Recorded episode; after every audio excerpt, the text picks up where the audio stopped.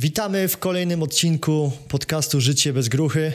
Ja nazywam się Marcin Ruman, a dziś naszym gościem jest Przemysław Bykowski, zawodowy programista i trener, który od lat tworzy jeden z najpopularniejszych blogów programistycznych i jeden z najbardziej popularnych kanałów YouTube w branży IT. Przemek pomaga rozwiązywać problemy związane z architekturą oprogramowania. Specjalizuje się w Java Spring Boot, szkoli, konsultuje i buduje społeczność entuzjastów programowania takich jak on sam. I to jest piękne, bo właśnie nasz podcast jest dla geeków, dla ludzi z IT głównie, dla ludzi, którzy gdzieś z komputerami pracują, no i dla y, młodych programistów też, którzy y, nie tylko się rozwijają. Więc Przemku, witamy Cię na podcaście. Super, że się tutaj pojawiłeś. Doskonałe że tak powiem, sparowanie. Cześć Marcin, miło Cię poznać. Dziękuję Ci za zaproszenie do programu. Oczywiście również pozdrawiam naszych słuchaczy, YouTubeowiczów i wszystkich słyszących ten podcast. Zachęcam do zostawienia łapki pod tym materiałem. No właśnie, widzisz, ja muszę się od ciebie bardziej nauczyć, bo ty jesteś w tych live'ach szpecem, rozkręcasz, nakręcasz jakby imprezy jak DJ. Ja byłem DJ-em, a okazuje się, że, yy, że ten, że Bykowski yy, to już jest w ogóle master DJ, no nie? Pewnie ten Steve Aoki mógłby się od ciebie uczyć. Wiesz co, Więc... od razu możemy zacząć taką anegdotą, skoro pociągnąłeś temat. E, skąd się wziął taki flow? Na początku sam byłem taką osobą, raczej ja byłem taki, jestem typowym introwertykiem. Dużo osób mówi, Przemek, ty jesteś na pewno ekstrawertykiem, ty przemawiasz publicznie, ty pojawiasz się na live streamach. Zdecydowanie nie. Ja jestem introwertykiem, ale skąd się wzięło takie właśnie angażowanie społeczności? Ponieważ zdaję sobie sprawę, że ludzie oczekują, jeżeli się jest osobą ekspresyjną, jeżeli pokazuje się swoje emocje, no to znacznie lepiej takiej osoby się słucha. Sam swoją przygodę z live streamami zacząłem dlatego, że zacząłem oglądać live streamerów gamingowych. Jest taka serwis Twitch i na Twitchu jest y, głównie prowadzi się streamy gamingowe. Ja nie jestem gamerem i na gry nie mam za bardzo czasu w swoim życiu, a jednak e, zawsze kiedy, nie wiem, jem obiad, śniadanie, mam chwilę wolnego czasu, to zobaczę, co na tym Twitchu się dzieje. I po prostu jestem pod wrażeniem, jak branża e, gamingowa jest w stanie zaangażować społeczność. To jest naprawdę show, to jest naprawdę się ciekawie ogląda. E, niestety mm, w branży IT wygląda jeżeli są jakiegoś rodzaju szkolenia, wystąpienia publiczne, to wszystko jest takie oficjalne, musi być wszystko eleganckie, poważne. W ogóle nie ma takiego luzu. Więc staram się właśnie przemycić taki luz, taki entuzjazm, taka, taką ekspresyjność właśnie do branży IT, po to, żeby inni słuchacze mogli nas oglądać znacznie większym zaangażowaniem i przez to, żeby same materiały były dla nas ciekawsze. Czyli taki edutainment, y, taki gamification połączony tak. z edukacją. Edutainment to wydaje mi się, że jest bardzo trafne, Marcin, powiem Ci, e, sformułowanie na to, co chcę właśnie robić. Jasne. No i dla kogoś, kto jeszcze nie oglądał, nie obejrzał Twojego live show, to zapraszamy, bo no jest to show z konkretną merytoryczną wiedzą i jak ja zobaczyłem, jak Ty naprawdę zaręczasz publiczność, tutaj ankieta, tutaj co ma, jaką macie opinię, polubcie, yy, dawajcie co chcecie, nowy ład, w sensie ustawiamy się na nowe yy, spotkania, wszystko pod was, yy, ale tam poniedziałek jest ok i lecisz po prostu jak yy, pacynka po prostu nakręcona, A, ale właśnie zacznijmy od tej energii. Opowiedz mi, jak ty zrobiłeś tą transformację, no bo powiedziałeś, że sam byłeś introwertykiem i że jesteś tak z natury. E, wiesz co, to jest bardzo długa historia, więc jeżeli bym za długo się wypowiadał, to po prostu przytnij mnie w odpowiednim momencie. Dobra. E, więc mów, mów, na jakim etapie mam skończyć, ale w każdym razie zaczęło się od tego, że byłem bardzo introwertyczny, poszedłem na studia i w ogóle nie wychodziłem ze swojego akademika. Do tego stopnia to wyglądało, że chłopacy, koledzy szli na imprezy, ja nie wychodziłem z akademika, więc moje grono znajomych było bardzo wąskie. Do tego stopnia właśnie chcę zaznaczyć, jakim tutaj introwertykiem byłem. Pracowałem tylko i wyłącznie e, z komputerem. E, nie za bardzo chciałem się angażować w życie publiczne, nawet Facebooka, konta na Facebooku nie miałem. Miałem fejkowe konto na Facebooku tylko po to, aby nikt mnie tam nie śledził, nikt mnie tam nie widział, żeby nikt się o moim istnieniu nie dowiedział.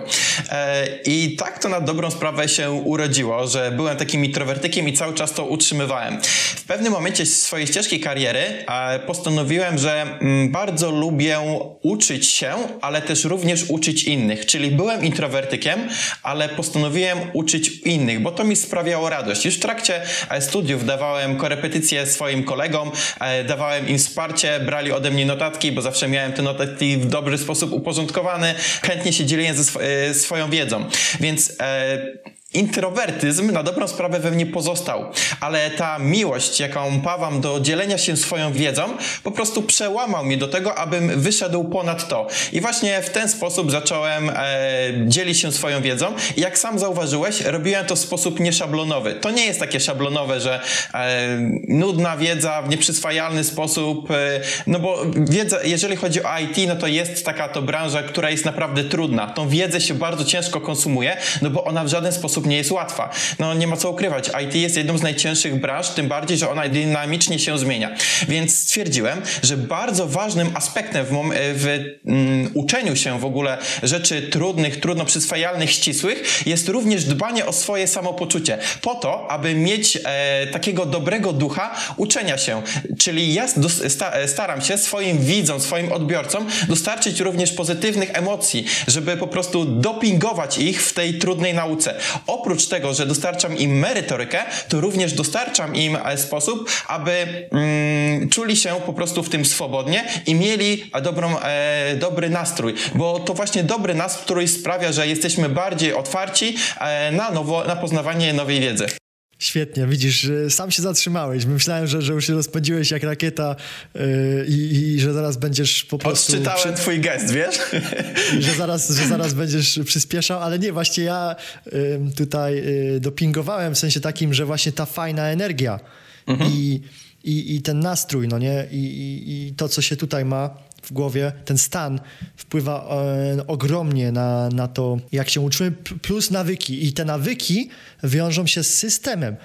A ja zobaczyłem właśnie, że do, do jakiegokolwiek projektu ty podchodzisz, pierwsze co robisz, to patrzysz na system. Czy to jest publikacja książki, czy to są live streamy, konsultacje, inne rzeczy, które jeszcze robisz. Dojdziemy zaraz do tego w ogóle, jak ty przeszedłeś, że rzuciłeś, porzuciłeś swoją tak cieplutką pracę, wyemigrowałeś z Polski. Przejdziemy zaraz do tych wszystkich pytań, ale chciałem właśnie, żebyś powiedział najpierw, bo wspomniałeś o studiach, że na studiach byłeś e, generalnie zamknięty i tak dalej, czyli jakie studia to były i jak dobrym byłeś uczniem? No to zaczniemy. Kiedy w ogóle zdawałem maturę, to myślałem sobie, pójdę na budownictwo. Jadąc pociągiem, widziałem ulotkę, że elektroników nam trzeba. Każda branża potrzebuje elektroników. No i jakoś tak się złożyło, że złożyłem papiery na elektronikę, no i zacząłem studiować tą elektronikę w ogóle bez przekonania. I działo to się w ten sposób, że na tej elektronice nie za bardzo sobie radziłem. Byłem e, raczej w gronie osób, którzy sobie nie radzą z programem i po prostu odpadają e, po pierwszych dwóch semestrach. Więc ja trafiłem do tej społeczności, gdzie po prostu w ogóle nie wiedziałem, czym jest elektronika e, i na czym polega całkowite. To się przedmiot nazywał druty, teoria obwodów, przewodów i obwodów, już nawet nie pamiętam, ale w każdym razie był to dla mnie taki przedmiot, który go nie przeszedłem. Więc stwierdziłem, stwierdziłem, no nie, elektronika to nie jest e, moja droga i postanowiłem iść na, wybrać inny kierunek. Więc zastanawiałem się, jaki iść kierunek. No już mam teoretycznie rok w plecy, więc e, na co by pójść? No i stwierdziłem, pójdę na informatykę. Z informatyki zawsze byłem e, dobry, zawsze sobie radziłem. Nawet w liceum zacząłem od tworzenia stron internetowych, więc tam trochę PHP miałem ogarniętego i w ten sposób poszedłem na informatykę. Więc jeszcze raz poszedłem na studia, tym razem na informatykę. I tutaj los mi się nieco odwrócił, ponieważ jak na elektronice byłem jednym z takich gorszych studentów, to jeżeli chodzi o studia informatyczne, to byłem jednym z najlepszych studentów. E, dostałem stypendium, a z czasem, kiedy zacząłem właśnie pracować nad studiami informatycznymi, bardzo się w nie wciągnąłem. E, brałem udział w kole naukowym, w dodatkowych zajęciach, zajęciach fakultatywnych, e, nawet brałem udział w kołach naukowych innego, innej uczelni, ponieważ była bardzo popularna taka grupa .NET, nam u mnie na uczelni nie było, więc musiałem dojeżdżać na inną uczelnię. Brałem udział w konkursach, wielu konkursach poległem, ale któregoś dnia udało mi się wygrać ogólny e, konkurs e, programistyczny, jeden, drugi. E, no i w ten sposób właśnie uczelnia mnie zauważyła, że jestem takim os taką osobą, którą można się pochwalić. Nie dość, że ma dobre osiągnięcia mm, w nauce, bo ma dobre oceny, to jeszcze dodatkowo bierze udział w konkursach programistycznych, wygrywa te konkursy programistyczne, no i jeszcze tworzy społeczność, ponieważ już wtedy pomagałem innym studentom i się angażowałem właśnie w różne społeczności programistyczne. Więc finalnie szkołę swoją ukończyłem z wyróżnieniem najlepszego studenta na wydziale i nawet później finalnie ukończyłem tą szkołę z wyróżnieniem najlepszego studenta na całej uczelni. No to gratuluję, czyli byłeś bardzo dobrym uczniem. I jeszcze w jakiej miejscowości? W Gdyni. Studi studiowałem w Gdyni na Akademii Marynarki Wojennej. I tam y, stamtąd jesteś, czy się przenosiłeś w Polsce też? E, wiesz co, ja w ogóle pochodzę z małej miejscowości w Kujawsko-Pomorskim, a więc e, na studia poszedłem do Trójmiasta, no i już na dobrą sprawę, odkąd zacząłem studia w Trójmieście, to praktycznie tam spędziłem całe swoje dorosłe życie. Jasne, no to następny krok wynikałby z tego, że kończysz studia, no i co po studiach? Trzeba szukać pracy i trzeba szukać właśnie przychodu, więc jak znalazłeś, e, dostałeś swoją pierwszą pracę w IT? A wiesz co, e, jeżeli chodzi o pracę w IT, to jakoś nie, nie szukałem jej za długo, ponieważ mi zależało, aby mieć jeszcze pracę w trakcie studiów, więc studiowałem dziennie, a już na trzecim roku studiów udało mi się znaleźć umowę o pracę. E, z jednej strony warto byłoby się z tego cieszyć, z drugiej nie, no bo studenci są zwolnieni z ZUS-u i chyba składek zdrowotnych. Ja niestety miałem umowę o pracę, więc musiałem dodatkowo płacić ten ZUS, składki zdrowotne, więc e, mało mi zostawało w kieszeni. No ale przynajmniej miałem tyle szczęścia, tyle zawziętości, że udało mi się e, pracę znaleźć jeszcze na trzecim roku studiów, gdzie studia były 3,5 roczne. E, wcześniej odbywałem liczne praktyki, staże, ale to nie były żadne formy zatrudnienia, to były tylko umowy o praktyki, o staże. Jednak pierwszą taką moją właśnie pracą była pierwsza e, na Właśnie nie pamiętam na ile pracowałem, chyba 3 piąte etatu e, na trzecim roku. Szczęście, że udało mi się porozmawiać z wykładowcami i zorganizować indywidualną organizację studiów, że pomogłem, mogłem to wszystko pogodzić. No właśnie, bardzo ciekawe jest to, że mówisz właśnie z jednej strony tutaj e, jesteś introwertykiem, a z drugiej e, ekstrowertykiem w w generalnie społeczności, w IT, tak powiedziałeś, konkursach i, i tym podobnych. Więc to jest bardzo ciekawe, że introwertycy są jakby tak szeroko postrzegani introwertycy, ale jak już w czymś są, na przykład ja mam kolegę takiego w finansach, pracuje w, w Londynie i on też jest intro, introwertykiem, ale jak jesteśmy razem, robimy coś, to już nie jest e, introwertykiem, tylko jest ekstrowertykiem, nie? I w ogóle, wiesz, z ludźmi gada i tak dalej, jest Hiszpano, Włocho, Szkotem. Mhm. Takim to e, Grzegorz Tutniak, taki ekspert od networkingu, który badał tą sprawę, nawet napisał na ten temat książkę, no to powiedział, że można być introwertykiem, ale w określonym środowisku zachować się jako ekstrawertyk. Czyli jeżeli mamy dogodne dla siebie środowisko, no to faktycznie potrafimy być, e, e, rozmawiać się z tymi ludźmi, cieszyć się, radować i tym podobne. Jednak e, dużo osób, kiedy pójdzie do grona osób zupełnie nieznanych, typowo jakaś impreza masowa, może się nie odnajdywać. Więc no pytanie, w jakim środowisku czujemy się komfortowo i w jakim środowisku jesteśmy w stanie się jak najbardziej otworzyć? No, czyli trzeba zważać na środowisko. To jest e, bardzo, bardzo ciekawe właśnie, co mówisz. I faktycznie tak jest, no, że, że jak, jak, jak się czujemy pewnie w danym środowisku, to tak będziemy, do takiego stopnia będziemy intro e, wertykami, ekstrowertykami. Więc y, kolejne pytanie do ciebie jest takie, bo mamy tutaj też dużo osób, którzy są juniorami, tak, którzy dopiero zaczynają. I pytanie do ciebie, jakie te twoje początki były jako junior?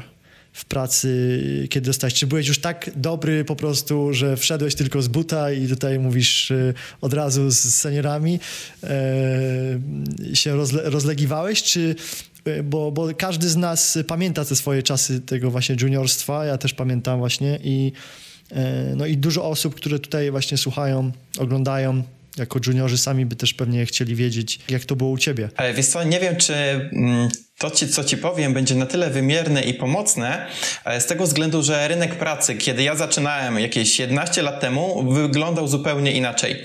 A ja zaczynałem jako C-Sharpowiec, nawet jak wspominałem, należałem do grupy .NET, więc ja byłem wielkim miłośnikiem .NETu, Microsoftu i wszystkich platform wypuszczanych przez Microsoft. Więc e, w swoich, swoich aplikacjach starałem się znaleźć pracę właśnie jako C-Sharpowiec, .NETowiec.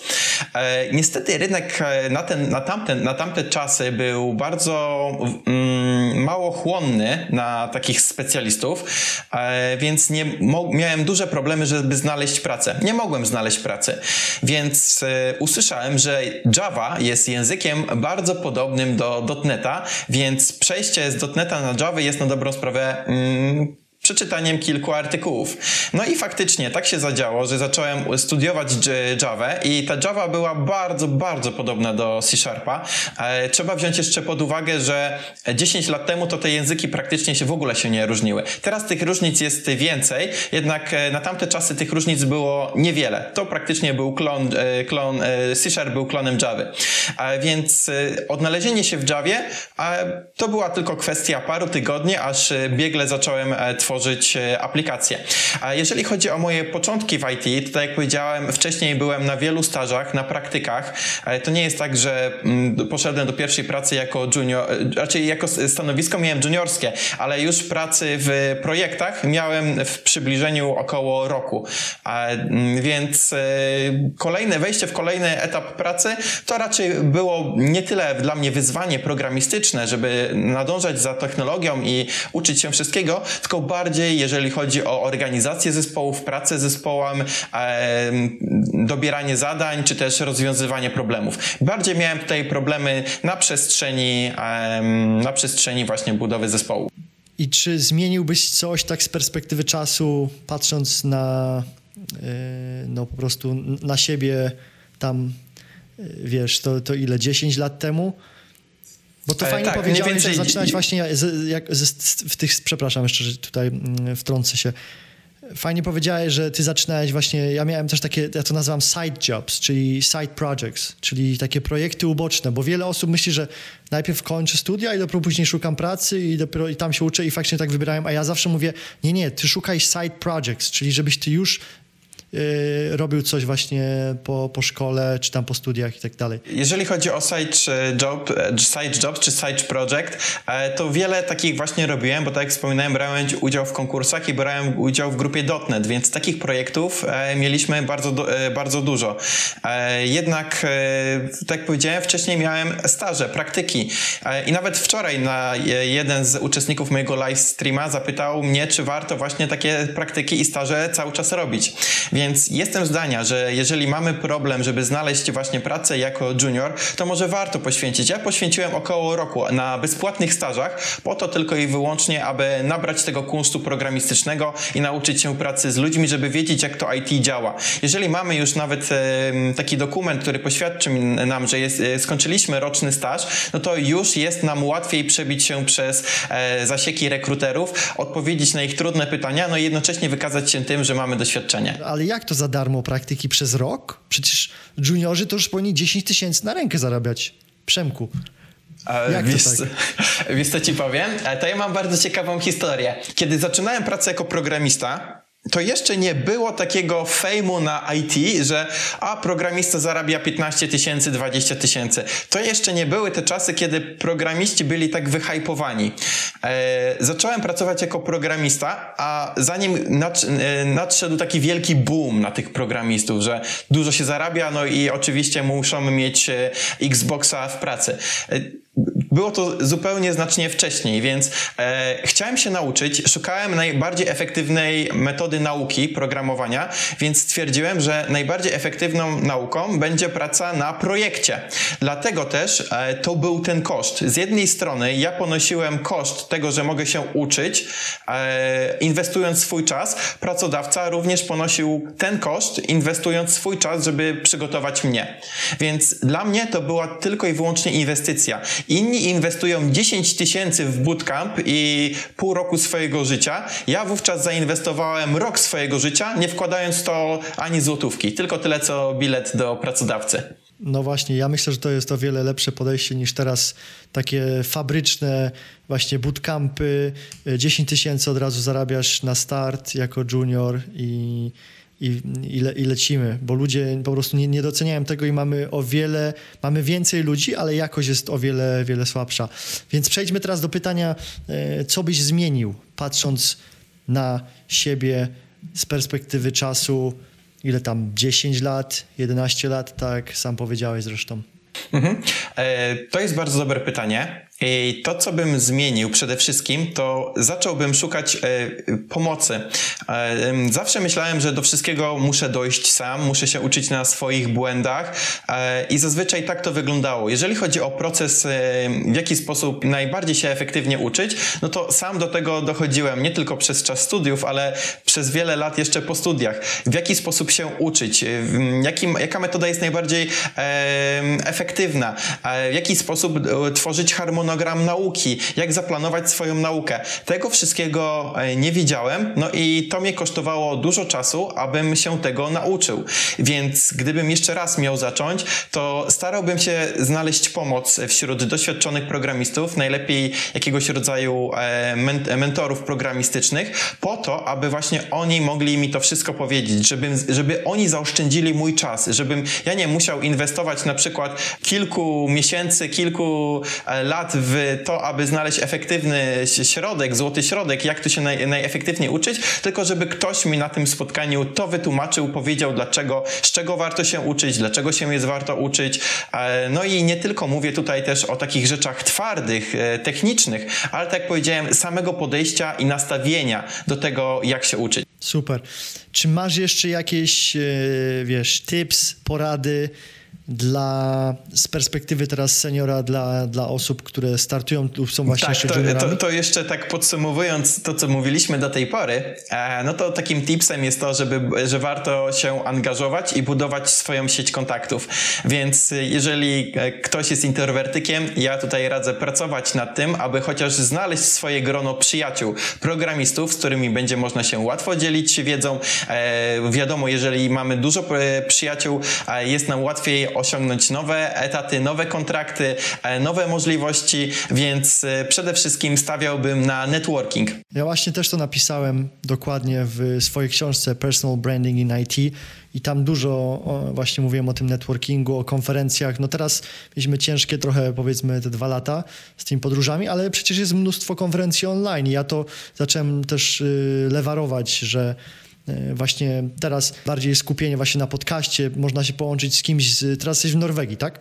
Tak. Mhm. No właśnie, ja jestem w Las Vegas, więc po, zobacz jaka siła właśnie, że możemy my się połączyć, wymienić się informacjami i zrobić coś jeszcze dla innych osób, a przy okazji budować swoją markę osobistą, dokumentować to, co się robi i przekazywać wartość, no, no po prostu win, win, win, czyli wygrana, no, wygrana, wygrana. Dla wszystkich słuchaczy są live streamy, są podcasty, więc jest miejsce, gdzie będzie można tymi informacjami się ze sobą dzielić i wymieniać komentarze, więc e, to jest świetna droga. Super. Dobrze, to przejdźmy teraz do kolejnego segmentu i do twojej kariery jako influencer, że tak powiem, a tam z tym influencerem, z e, streamerem, E, youtuberem wiąże się to też, że marketing jest, a przy marketingu możesz swoje oferty pokazywać, czyli swoje książki, konsultacje, szkolenia i możesz się dzielić właśnie wiedzą też za darmo. No i to jest piękne. Więc pytanie mam do ciebie właśnie, dlaczego zdecydowałeś się założyć od właśnie bloga pierwsze, a później kanał na YouTubie? Jeżeli chodzi o mojego bloga, to on był tylko i wyłącznie miejscem, gdzie składowałem swoje doświadczenia programistyczne. W momencie, kiedy uczyłem się nowej technologii, nowej rzeczy, to dla mnie najefektywniejszym sposobem, aby to sobie utrwalić, było opisanie to w formie krótkiej ściągi. I te ściągi zazwyczaj pisałem dla siebie. W momencie, kiedy korzystam z, niej, e, korzystam z nich w pracy, no to mam miejsce, gdzie mogę w łatwy sposób e, do tego wrócić, skopiować e, dany fragment kodu i zastosować w aplikacji, nad którą aktualnie pracuję w pracy. Więc mój blog to było nic innego jak e, taka wielka ściąga. Ale z czasem się okazało, że ludzie zaczęli to czytać, że Google zaczął to indeksować, że to zaczęło się pozycjonować, że to ludzie zaczęli sobie się sobie udostępniać, że to coraz więcej osób zaczęło z tego korzystać. I to po prostu, tak, tak, się narodziło, tak się narodził bloger na dobrą sprawę. Więc y, Google mnie wypozycjonowało, ludzi, ludziom to się podobało, zaczęli mnie linkować, no i wówczas y, zacząłem y, większą wagę przykładać do postów, które piszę. Czyli e, zacząłem pisać więcej materiałów, bardziej mm, ukierunkowanych na użytkowników, na ich potrzeby, e, dostosowane do ich potrzeb i właśnie w ten sposób rozkręciłem e, dosyć pokaźnego bloga, jednego z najpopularniejszych najlepszych w świecie JVM-a. No i tak się urodził bloger, tak już powiedziałem. Jeżeli chodzi o live streamera, zawsze chciałem uczyć. Już w momencie, kiedy studiowałem, zawsze chciałem być osobą, która się dzieli swoją wiedzę. No co wynikało z tego, że dobrze mi to szło w środowisku mm, studenckim. Nawet jak skończyłem Akademię Marynarki Wojennej, to uczelnia się zgłosiła do mnie, abym został nauczycielem akademickim. No i oczywiście się na to zgodziłem, bo to było spełnienie moich marzeń. Również e, byłem trenerem i koordynatorem merytorycznym w wielu szkołach programowania prywatnych e, i po prostu biorąc to wszystkie doświadczenia, które zgromadziłem do tej pory, plus to doświadczenie, które wyciągnąłem od e, gamerów, czyli live streamerów gamingowych, stwierdziłem, zrobię nowy format, który sprawi, że przyswajanie wiedzy będzie podawane w formie rozrywkowej, że to będzie dostarczało nam przede wszystkim merytoryki, ale będziemy się przy tym dobrze bawić w taki sposób, że nawet nie odczujemy, że nasz mózg jest tak silnie zaangażowany w poznawanie trudnych rzeczy e, technicznych. No i tak właśnie się narodził youtuber, e, live streamer i od tego momentu zacząłem robić właśnie takiego rodzaju format. No i przy okazji zbudowałeś e, mega społeczność. Na YouTubie masz tam e, prawie 10 tysięcy osób subskrybujących. E, więc pytanie do ciebie jest, poza YouTubem masz jeszcze społeczność chyba na Facebooku, tak? Tak, to jest grupa Bycza Zagroda. Na dobrą sprawę jest to e, grupa, która e, skupia mm, największych moich miłośników, e, ambasadorów i jest to grupa, w ramach której na dobrą sprawę mm, dzielimy się wiedzą. To jest punkt pierwszy, czyli jeżeli ktoś szuka wsparcia, ktoś szuka kolegów do programowania, żeby wspólnie zrobić jakiś projekt, zrobić, mm, stworzyć grupę mentoringową, albo znaleźć mentora, albo być mentorem, to jest właśnie grupa, która służy wymianie wiedzy. Oprócz tego omawiamy również również ze społecznością pomysły, jakie możemy zrealizować wspólnie, czyli jakiego live streama możemy e, zaplanować, e, jakiego nową inicjatywę. Tych inicjatyw już e, mieliśmy trochę w, w grupie, planowane są kolejne, więc to jest taka grupa, dzięki której możemy właśnie w sposób, w łatwy sposób sobie networkować właśnie w środowisku programistycznych, wymieniać się ciekawymi informacjami, no i jednocześnie dbać o swoje skille skille. Nie tylko techniczne, ale również e, miękkie, żeby się w łatwy sposób właśnie wymieniać tą wiedzą. No i co przede wszystkim e, cieszę się, że udało mi się zrobić, e, stworzyć taką społeczność, gdzie jest takie właśnie, jest taki entuzjazm. Nie ma takiego często spotykanego właśnie hejtu, czy też zazdrości. My tworzymy taką grupę właśnie osób, które lubią to, co robią, no i chcą się dzielić pozytywną energią. Ile macie tam osób na tej grupie? I czy to jest grupa Około, zamknięta, czy otwarta? To, je, to jest grupa, e, wiesz co, jaka jest różnica między grupą zamkniętą, otwartą? E, musisz e, wypełnić krótką ankietę, czy zgadzasz się z regulaminem, żeby do niej dołączyć, ale nie ma jakichś większych obostrzeń. Na tej grupie jest około 3000 programistów. 3000. No chodziło mi o to, że po prostu y, właśnie niektórzy mają taką grupę zamkniętą, że żeby przejść, to musisz, y, nie wiem, pł y, płacić za subskrypcję, czy w sensie Nie, nie, nie. To jest, to jest otwarta grupa dla każdej osoby, która jest chętna, aby się zaangażować. Więc tutaj nie trzeba płacić, jest otwarta, zapraszamy to ja, ja się muszę zapisać zdecydowanie, żeby też się właśnie e, do Was dołączyć. Super. Czy dla kogoś, to w takim razie masz mnóstwo osób, więc pytanie do Ciebie też właśnie, kiedy zacząłeś e, tworzyć tą społeczność? To się zaczęło od tego bloga, czy to kiedy tak, y, tak naprawdę, wiesz, wiesz co? Jeżeli pytasz, pytasz mnie o daty, to ja mogę się tutaj pomylić, ponieważ nie znam wszystkich na, pamię na pamięć, ale mniej więcej jak byłem studentem, założyłem swojego bloga. No i tego bloga robiłem mniej więcej nie wiem, 7 lat. Później postanowiłem, że spróbuję z kanałem na YouTubie, więc mniej więcej 3 lata temu wystartowałem kanał na YouTubie e, i wówczas zacząłem zbierać te subskrypcje. Udało mi się dobrze zaistnieć dzięki właśnie live streamom, ponieważ live streamy programistyczne są rzadko spotykane w ogóle w, w, na polskiej scenie IT. E, rozumiem, bo to jest mega trudne, jest ciężko programować w ogóle, a jak ktoś nam patrzy z za pleców, to już w ogóle się palce a jak ktoś jeszcze patrzy na ciebie cały internet, no to już jest w ogóle trudno. Ale jakoś mi się udawało zawsze to robić, udało się zawsze wybrnąć z trudnej sytuacji, jeżeli taka się pojawiła w trakcie live codingu. E, no i wówczas mniej więcej w tym samym czasie wystartowałem e, z budowaniem swojej społeczności Byczej Zagrody. No i mniej więcej e, Bycza Zagroda powstała w tym samym czasie, co kanał na YouTubie. No właśnie tak jak powiedziałeś, ten etap trudności utrzymywania jakości, że tak powiem, tego, co się robi, trzeba mieć przygotowaną prezentację, czy trzeba wiedzieć dokładnie, wiesz, gdzie idziesz, trochę improwizacji też wrzucić, tego cała metodologia, którą właśnie masz, edutainment. No, yy, jaka frekwencja w ogóle tych live streamów jest? Ile osób na live streamach? Na ten moment y, mniej więcej na live streamach przybywa od 200 do 300 programistów. E, mój rekord to chyba jest 400 programistów. I, I y, co ile streamujesz? W sensie jak często? Nie mam z góry ustalonego grafiku, ponieważ e, zeszły rok mm, poświęciłem bardzo na pracy na etacie, e, co mnie nieco blokowało w live streamowaniu, a jednak w tym roku zaplanowałem już e, kolejne live streamy. W tym roku odbyły się chyba już trzy live streamy, no i w lutym, od lutego mniej więcej planuję przejść na regularne live streamowanie co najmniej raz na tydzień. Na ten moment wow. układa się, się grafik, więc niedługo na grupie Byczej Zagrodzie pojawi się harmonogram program e, live streamów technicznych, ale również oprócz live streamów technicznych e, uważam, że bardzo ważną kwestią jest i to wyszło nawet od społeczności, żeby robić nawet luźne spotkania, nie takie tylko i wyłącznie techniczne, gdzie uczymy się mikroserwisów, uczymy się e, kolejkowania i innych e, zaawansowanych kwestii technicznych, ale nawet żeby spotkać się na sesji QA i podpowiadać na problemy, pytania, zagłoski programistów i jak można je rozwiązać. Więc plan jest taki, aby raz na dwa tygodnie robić właśnie stream stream techniczny, a raz na dwa, tygo- raz na dwa tygodnie, czyli naprzemiennie robić e, live stream o takiej tematyce luźnej, gdzie sobie wspólnie rozmawiamy.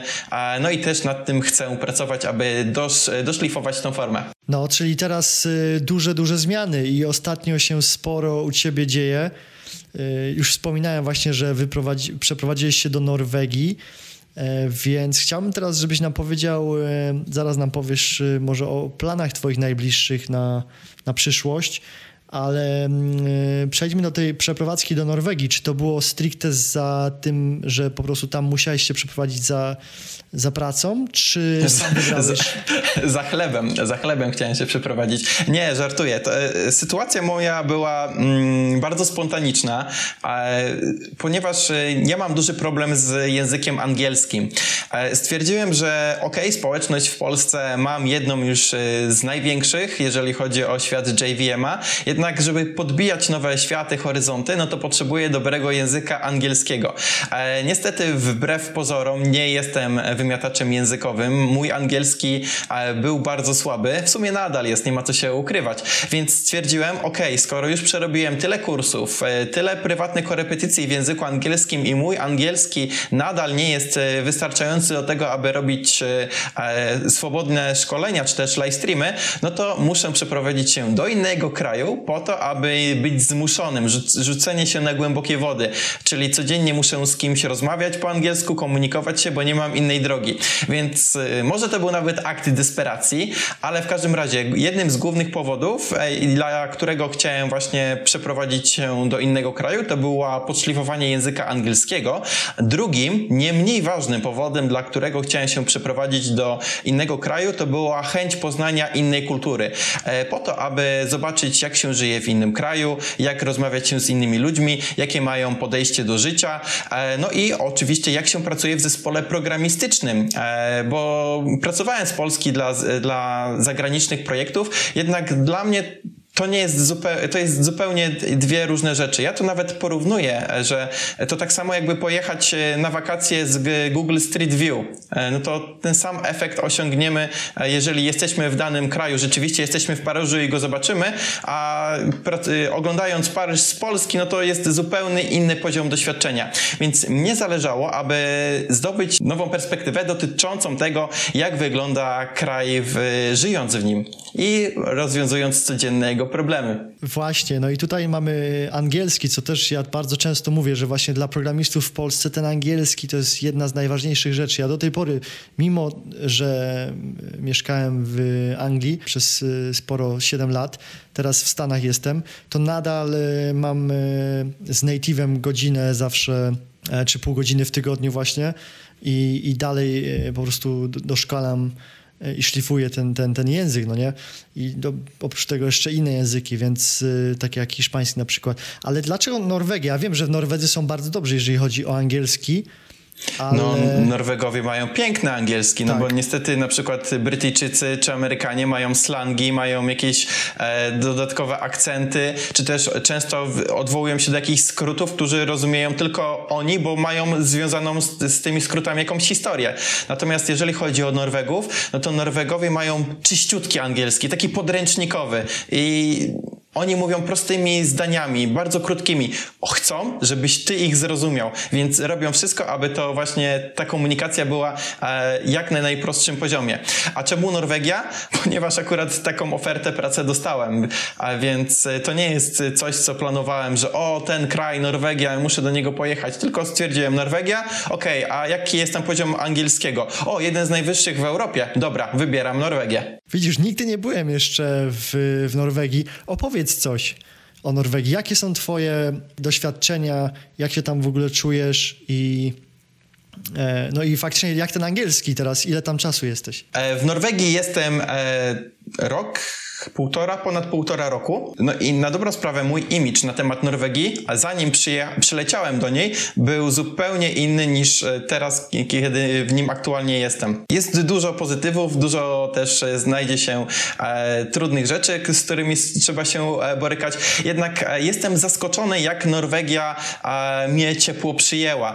to jest kraj bardzo sympatycznych osób, którzy chętnie ci pomogą. Jeżeli chcesz tu się uczyć, rozwijać, uczyć ich kultury i języka, to oni są w stanie naprawdę ci e, przybliżyć e, nieba. E, przede wszystkim są mega sympatyczni, ale jednak są sympatyczni tylko i wyłącznie do jednego do określonego poziomu, bo z Norwegiem ciężko się jest zaprzyjaźnić. Czyli jak spotkasz kogoś na ulicy i potrzebujesz pomocy, on ci naprawdę bardzo mm, chętnie pomoże. Ale jeżeli chcesz się umówić z Norwegiem, chodź idziemy na piwo, no to no nie, no to już nie tak bardzo, więc e, wydaje mi się, że Norwegowie e, mają bardzo mm, zamkniętą grupę swoich znajomych, którzy, e, z którymi się trzymają, więc z tymi przyjaciółmi, którzy są na dobrą sprawę od szkoły, oni trzymają się i są z nimi przez całe życie, ale żeby dołączyć do ich grona znajomych jest bardzo ciężko. Wow, bardzo, bardzo interesująca perspektywa. A to jeszcze, co mi się tak nasunęło, bo to myślę, że to się warto jest powiedzieć,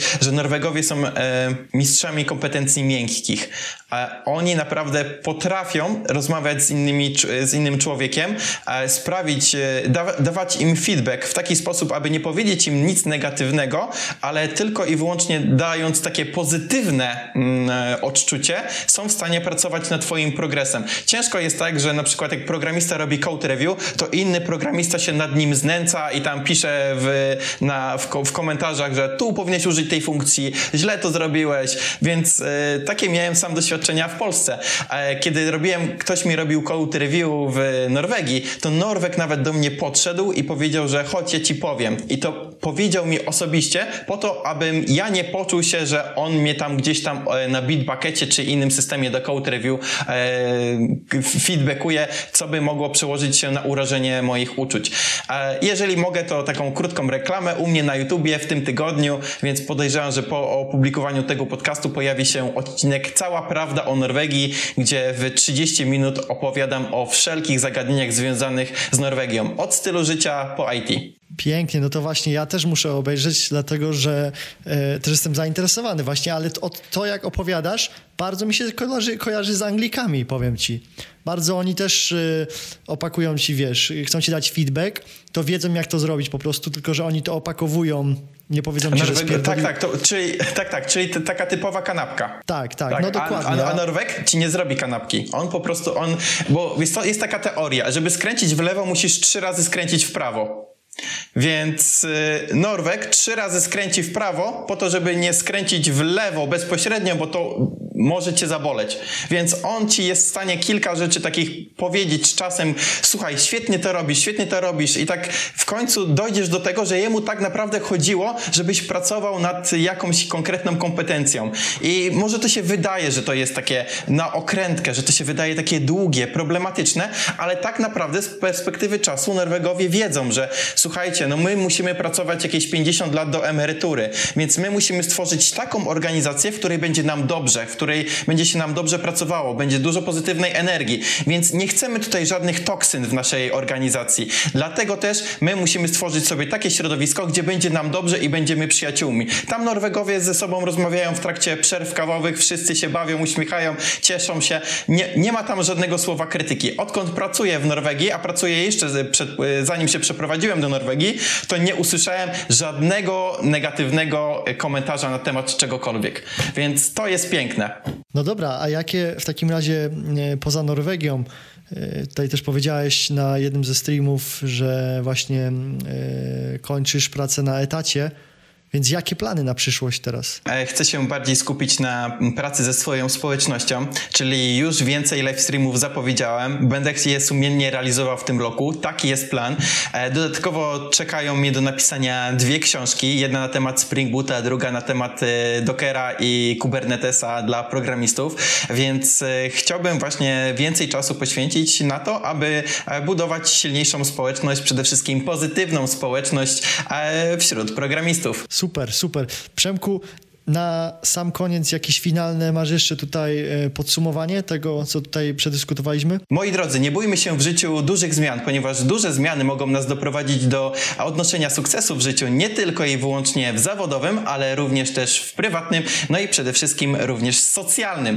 Więc e, zawsze do każdego pomysłu podchodźmy entuzjastycznie, doszukujmy się zawsze plusów, niekoniecznie e, minusów, bo minusy mogą zobaczyć za nas inni więc im więcej uśmiechu w nas, tym więcej uśmiechu w innych i to starajmy się szerzyć. Super, no to jest e, widać, że ta energia z live streamów przeszła teraz do nas na życie bez gruchy, więc Przemku, ja dziękuję za twój czas. Jeszcze na sam koniec, y, y, oczywiście masz kanał na YouTubie, mhm. Przemek, Przemek Bykowski. I gdzie jeszcze odsyłamy ludzi, gdyby byli zainteresowani to tak, zapraszam przede wszystkim na bloga, to jest blog, nazywa się bykowski.pl. No i jeżeli ktoś chce zobaczyć mój kanał na YouTubie, to wystarczy, że wpisze Przemek Bykowski YouTube i od razu znajdzie mnie, moje live streamy, no i ma również dostęp do całej gamy materiałów wideo edukacyjnych i lifestyle'owych. Serdecznie zapraszam. Super, więc zapraszamy. Oczywiście ja się zapisuję na grupę e, Bycza Zagroda na Facebooku i czekam na e, to video, które będzie w przyszłym tygodniu. U ciebie na kanale YouTube o Norwegii właśnie, więc to jest bardzo, bardzo, bardzo ciekawe. Przemku, moglibyśmy jeszcze rozmawiać o innych rzeczach. Wiem, że planujesz e, podróże też do innych krajów i potencjalnie pracę z, e, właśnie z innego kraju, więc to już zostawię może u ciebie na kanale, opowiesz o tym więcej, ci, co są zainteresowani, ale na pewno wspaniała postać i bardzo się cieszę, że ludzie w IT tacy jak ty właśnie zarażają innych programistów i, i, ludzi, którzy no e, po prostu przez pracę, przez to, że jesteśmy, wiesz, wymuszeni pracować przed komputerem, mają tą energię i są bardziej ekstrowertyczni i jeszcze pracują dla społeczności, więc dzięki za twój czas. To ja dziękuję Marcin Ci za zaproszenie do programu, no i oczywiście pozdrawiam wszystkich naszych widzów i słuchaczy. Cześć! Dzięki, cześć, do usłyszenia, zobaczenia za tydzień. Życie bez gruchy. Jedyny życiowy podcast w Polsce stworzony dla geeków.